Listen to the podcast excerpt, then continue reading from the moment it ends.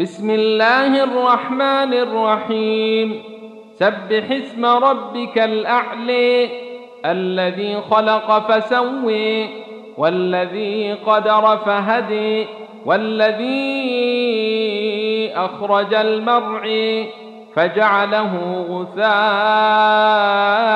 احوي سنقرئك فلا تنسي إلا ما شاء الله إنه يعلم الجهر وما يخفي ونيسرك لليسر فذكر إن نفعت الذكر سيذكر من يخشي ويتجنبها الأشقي الذي يصلى النار الكبر ثم لا يموت فيها ولا يحيي.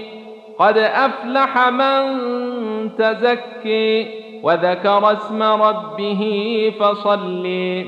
بل تؤثرون الحياة الدنيا والآخرة خير وأبقي. إن هذا لفي الصحف الأولى. صحف إبراهيم وموسى